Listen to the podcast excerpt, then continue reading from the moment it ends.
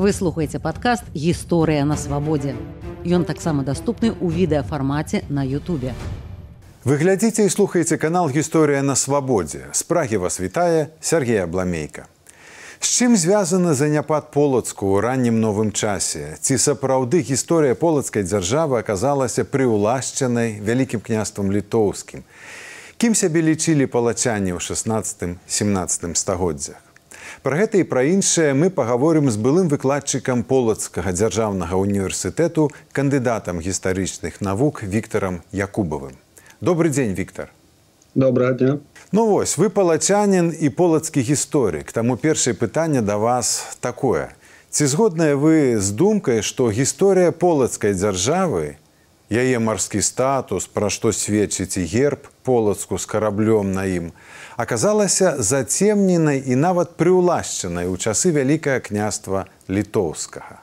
Ну наконт э, наконт морского статуса адразу скажу что далековато до моря 600 километров это нам седзячы зараз в цёплом и э, в цёплом месцы вельмі зручно казаць про то что вось у нас корабель был конечно был только это был речный корабель и струги полацкие там так званые кіманки яны ходили по звене.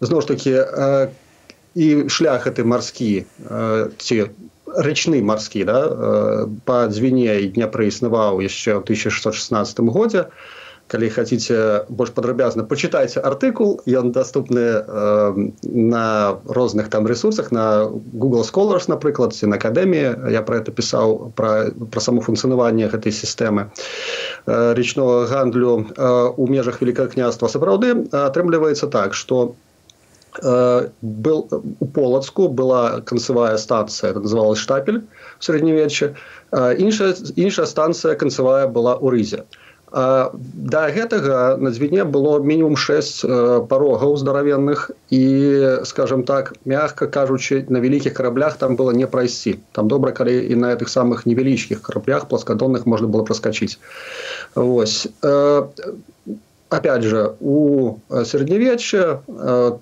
ладання в прынцыпе любое феадальнае но э, все ж таки пазывалася на дамове з мясцовым насельніцтвам і таму э, залежнасць там ад полацка нават у там рускія часы ну бо мы кажам про э, навіта ту дынастыю рюрикавічаў ці полацкіх там скажем так ізяславічаў то да мы говорим про іх як про людзей які дамаўляліся з мясцовымі латгальскімі там і ліўскімі племёнамі мы можем про это казаць ну бо иначе яны просто там бы не замацаваліся просто фізічных был не так шмат конечно хадзілі там варяги розныя про гэта дарэчы можна асобна расказаць тому что Вось зараз за апошніх там два-тры гады у полацку сапраўды сябры мои археолагі пачалі капаць актыўна і вось за апошні час знайшлі дарэчы сапраўды доказы таго што у полацку былі скандынавы у нас всего раскопана приблизно 5 процентов з полацка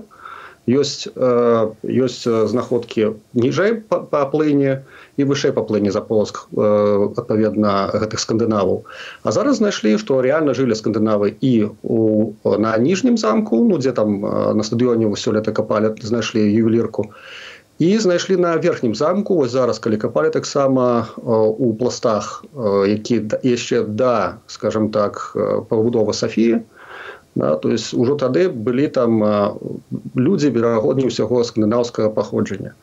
Але дачакаемся зноў ж таки вынікаў гэтых вынікаў гэтых самых раскопкаў калі афіцыйна яны ўсё ўжо археолагі раскажуць. Это я магу вас попросіць все ж стагоддзе называць каб наши гледачы і слухачы арыентаваліся. 10 11 10 это, гэта 10 хутчэй за ўсё нават вось пра гаворка дзе пра 10 стагоддзя пра 9 нават стагоддзя за больш раннія перыяды мы не можемм сказаць ну бо зноў ж такі полацк атрымліваецца так что тое старое гарадзішча якое ёсць яно зараз знаходіцца под прыватным сектарам і ніякі гаспадар не пусціць нейкага археола каб ён капаў таму 5 ці 7 км 7 метров углыб у ягоны ўласны агарод да?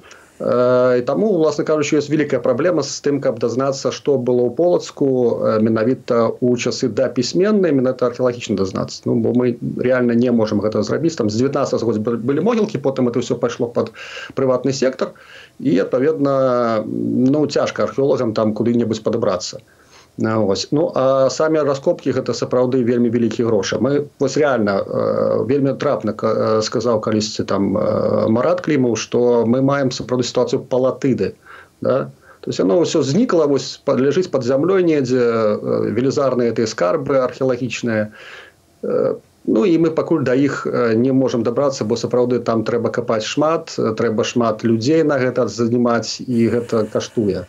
Так все ж пытанне маё было ці згодныя вы са сцверджаннем некаторых гісторыкаў што у часы вялікае княства літоўскага вось гэтая э, даволі значная гісторыя полацка была як бы э, ну зацемненая прыменшаная летапісцамі і аўтарамі хронік у часы вялікае княства літоўскага Ну а ў часы э, там кіеўскай ці наўгародскай русі калі пісалі ў кіеве ці ў новгарадзе прымяншалі э, полацк таму што як бы все кожны піша сваю гісторыю да? калі мы гаворым там пра хроніку бахаўца яна там напісаная э, на замову гаштольдаў літоўцаў да? э, там ці радзівіла ў пэўны час таксама мелі выразную там э, пра літоўскую пэўную свядомасць потым у адпаведна ўжо там калі пісалі штосьці прыйшоў пісацца ў 17 стагоддзе то это ўжо там хяткевічы сапегі якія там ці, ці астрожскія якія мелі паходжанне ўласна кажучы з усходнеславянска да, тады это называлася руская тэрыторыя. Ось якая розніца зразумела ад Масквы там это, то есть про гэта мы можемм нават і не казаць Вось. Але э, по факту мы маем сітуацыю з тым, што сапраўды полацк да фактычна э, разрабаванне іваном жахлівым ён быў буйнейшым горадам Русі менавіта ну такім канкурентам і ідэалагічным і э, прынцыпе скажем так культурным да э, конкурентам может быть вільні і там Киева да то есть один з там фактычна трох асноўных цэнтраў на той момант пасля вынішчэння фізічнага ну калі калі там все спалілі всех паразрабавалі шлях тут выгнал Іван жахлівы у э, там у Москву і там позабіваў да мещан позабіваў ну як бы что няма традыцыі няма жывых людзей новыя людзі штосьці новае раскажуць але гэта ўжо не тое не тое да то есть тут уже доказы па-іншаму будуць будавацца Э, так што галоўнае ведаць хто пісаў у чых інтарэсах і вось тут конечно трэба сапраўды браць э, гісторыю і аналізаваць з розных э, з розных крыніцаў тому что ну нельга давяряць адназначна э, крыніцам якія там напісаныя в прынцыпе ў 16 17 стагоддзе без праверкі з іншых крыніц. Ну, бо у кожнага чалавека ёсць свае погляды свае інтарэсы Ну так ці іначай вы фактычна пацвярджаеце, што кожны пісаў гісторыю ў сваім інтарэсе і летапісцы вялікіх князёў літоўскіх і гэтыя хронікі, канешне, былі ангажаваныя. І вот вы ўжо сказалі, сапраўды полацк быў вельмі значным цэнтрам, бо існуюць жа ж сведчанні заходнееўрапейскіх хронік, што горад існаваў ужо ў сярэдзіне першае тысячагоддзя. І вось вы сказалі пра спаленне полацка ў часы лівонскай вайны, але ўсё ж маглі б мы акцэнтаваць, артыкуляваць з вами, калі і чаму, на вашу думку пачаўся занямпад полацку. Вот ж можа быць шмат розных варыянтаў. Это звязана з канчатковым уваходжаннем полацу ў склад вяліка княства літоўскага ў 1000 392 годзе ці са скасаваннем полацкае княства і стварэннем на яго месцы ваяводства ў пачатку 16 стагоддзя. Ці сапраўды з той жа э, лівонскай вайной? Калі вот рэальна полацк э, страціў свой статус значэння і сілу і культурную эканамічную Ну глядзіце э, па-першае мы не маем крыніц да то есть э, тыя крыніцы якія былі яны знішчаны альбо знаходзяцца прасрушаным па ўсім свеце трэба таму збіраць іх па ўсім свеце адпаведна мы маем сітуацыю з тым што э, мы ведаем напрыклад пра там 14 15 стагоддзя па археалогіі мы ведаем што там сапраўды был быў вельмі значны горад крыніцай адзінай на гэты перыяд мы маем перапіс адпаведна полацк рэвізію полацка 1552 год перад вайной да, мы там маем горад у якім там 12 праваслаўных кляштароў і гэтыя 12 православных шлораў гэта здаравенныя власна кажучы будынкі там маем горад які мае каменныя у тым ліку вежы храмы і так далее. Вельмі багаты горад пасля гэтага горад реально занепадае. Ну вось пасля таго як у лютым 63 -го года 1563 года яго бяры бяруць рускія войскі і адпаведна вынішчаюць фактычна мясцовае насельніцтва альбо вывозяць яго альбо альбо ж называется там заселяют на эту тэрыторыю сваіх. Ліквідацыя ліквідацыя княства фактычна не адбылася на багацце заможнасці горада то есть тут калі прыходзілі князі да то есть мы, мы можем прынцыпе нават сказаць что уваходжанне ўласна кажучы падзвення ў склад вялікае княства гэта гэта шлюбы.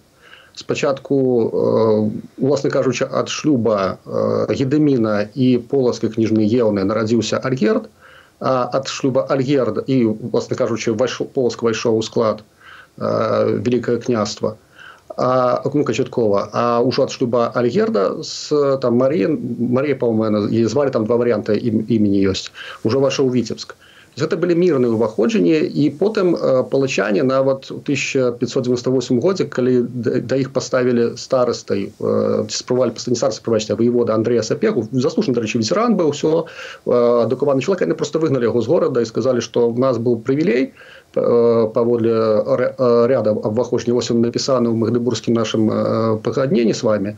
Так что едзека мы вас мы вас тут не чакалі і прынцыпе вось пачатак 17 стагоддзя яшчэ абсолютно нормально нават уже пасля раз, разабавання в прынцыпе абсолютно нормальная сітуацыя з адстаиванню палачанамі сваіх правоў менавіта на самакіраванне і на згоду прызначаць сабе кіраўніцтва То есть э, занепад, занепад фізічны быў. Да, то есть вось, э, зноў ж таки у тым артыкуле про, про гандаль там э, 1116 год там, там ідзе вайна з Москвой то есть там э, праблема відавочная э, э, на падзвіне бо сапраўды тэрыторыя пад, пад пагрозы пастаяннай. Але там э, просто ёсць припіскі э, припіскі стругаў да, марскіх гэтых і плытовы адкуль шлі да, то есть э, на іх сидзелі Э, кармікі то есть кормчыя да і каманды этих сходных мальцаў які там по-русски называется бурлакі наверное хутчэй за ўсё але гэты гэтыя каманды прыпіску маюць да порта пэўнага у рыгу і назад яны шлі адпаведна там большасць ужо будзе там процентаў под 50 будзе з віцебска прыпіска то ну, праз Витебск гандлівала в асноўным в асноўным магілём і орша. Там ну, па, я праз праз шло. Потым будзе на другім месцы будуць бешанковіцы бешанковіча бо там таксама гэта перагон быў праз праз ад Дніпра да праз друцк ад Дніпра да Днебзіны Ну а ўжо полз будзе на трэцяе месца толькі ў колькасці флота як такавога. Ось. Тут тут адпаведна мы маем уже фактычна сведчанне таго таго занепаду да калі там в прынцыпе перад вайной э, можна казаць что там каля 20 20 тысяч может быть 30 тысяч насельніцтва полацку ну бо зноў ж таки ревізія это таксама гісторыя про то что трэба плаціць падаткі а ніхто не любіць іх плаціць таму таму сістэма сістэма таксама відаць феадальна давала збоі і але але факт у тым что каля перад вайной 1902 годзе там у іх будзе каля 30 тысяч насельніцтва насельніцтва прыблізна то пасля войны фіксуюць толькі 2000 чалавек і как бы ўжо далей город хоць і адраджаецца натуральным чынам за кошт міграцыі таксама туды прыязджаюць людзі але ўжо потым не падымаецца так. А пот а потым яшчэ і потоп а потым яшчэ і Іван ну, Іван жахлівы гэты перад гэтым потым потоп потым Пётр першы то вынішчыў адпаведна умацаванні ўжо фактычна звёў горад да, да ўзроўню ну, павятовага такога ну, вельмі кепскага павета ўжо вельмі беднага.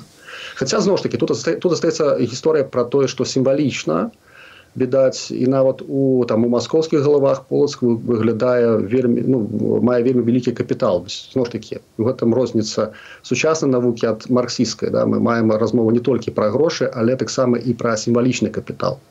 А вось гэта ўжо тое чаго полацку ну ніяк не адняць і ні ў кого не атрымаецца Я б хацеў яшчэ два пытанні вам задаць Віктор як бы ў развіццё гэтага асноўнага пытання пра гэтую сярэдзіну 16 стагоддзя пра лівонскую вайну.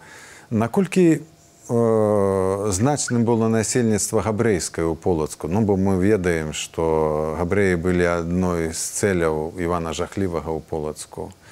Наколькі значнай была іх эканамічная роля ў 16 стагоддзі Ну, давайте так. То есть, у, в принципе, да, на поселение, ну, тогда это называлось жидовское насельство, бо ну, нема у летописах іншого терміна, і він, в принципе, був літературним, да, там, того жаху, який зробили московські цари уже у 19 стагоддзі, да, з тим насельніцтвом. Дык вось па прывілеях яны пасяліліся полос па прывілеі таму што ў віцебску напрыклад ці ў рызе яны жыць ціліцца не маглі. Гэта была тэрыторыя паводле сярэднявечнага права забароненая для пасялення.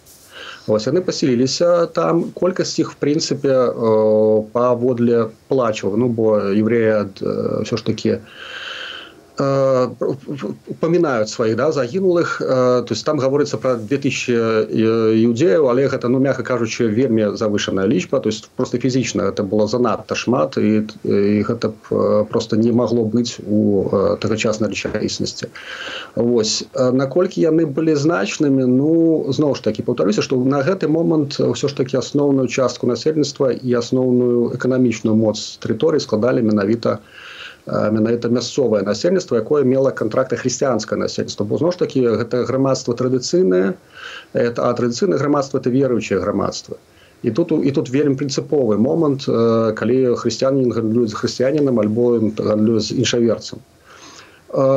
На той момант евреі не маглі гуляць вось да, да, да пачатку войны што называецца да вось гэта да гэтага геноцыду 15 лютага 1563 года.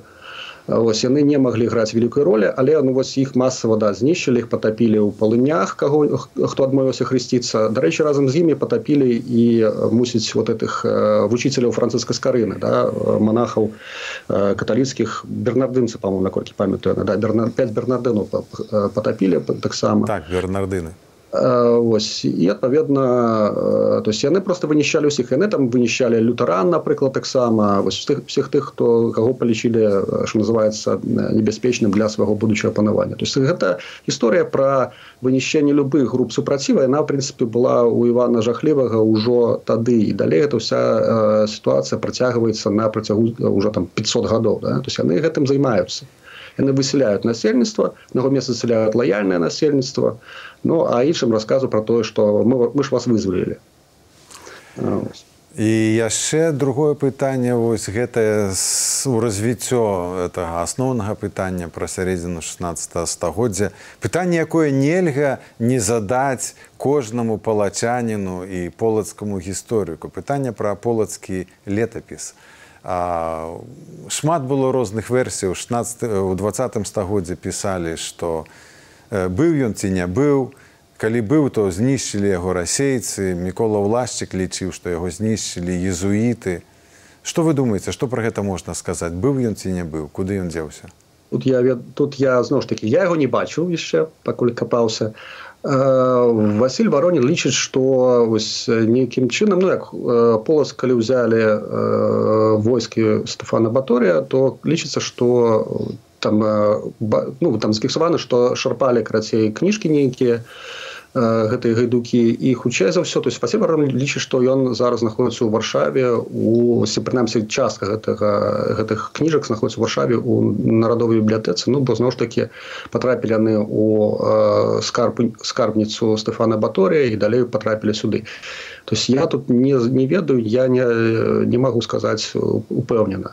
Можа быть можа ну але зноў ж таки гэта не хроніка гэта хутчэй за ўсё нейкія рэшты дакументаў зноў ж таки по матри... по захаванасці да то есть у нас напрыклад у менску ёсць пару кніжак кніжак таких полацкіх якія ну мягко кажучы в кепскай в кепскім стане і вось раней там за 17 стагоддзя нормально документальна вывучаць полацкую гісторыю ну вельмі цяжка просто нема нема па чым то есть мы можем трохи паглядзець дакументацыю напрыклад у рызе там ці у вільні ну альбо зноў ж таки альбо мы можем паглядзець тое што пра палачан пішацца у метрыцы ну, метрыцка таксама дзяржаўная кніжка наша. Е паведна але таксама там уже будзе пэўная пэўна ўсё ж таки арыентацыя на суды на нейкі спрэчныя пытанні а не на штодзённае жыццё полацкай і не на і не погляд палачан сваё жыццё сваімі ўласнымі вачыма про гэта трэба заўсёды памятаць і власна кажучы с этого пункту гледжання вывучаць штосьці ну, так ці іначай яе як бы не магло не быць. Таму гісторыкі і тэкстолігі шукаюць яе кавалкі ў іншых летапісах і хроніках. Так. Мы працягнем размову з віктарам якубавым праз тыдзень выслухали падкаст гісторыя на свабодзе подписывайтеся глядзіце і слухайце ў Ютубе і на ўсіх падкаст платформах кожны тыдзень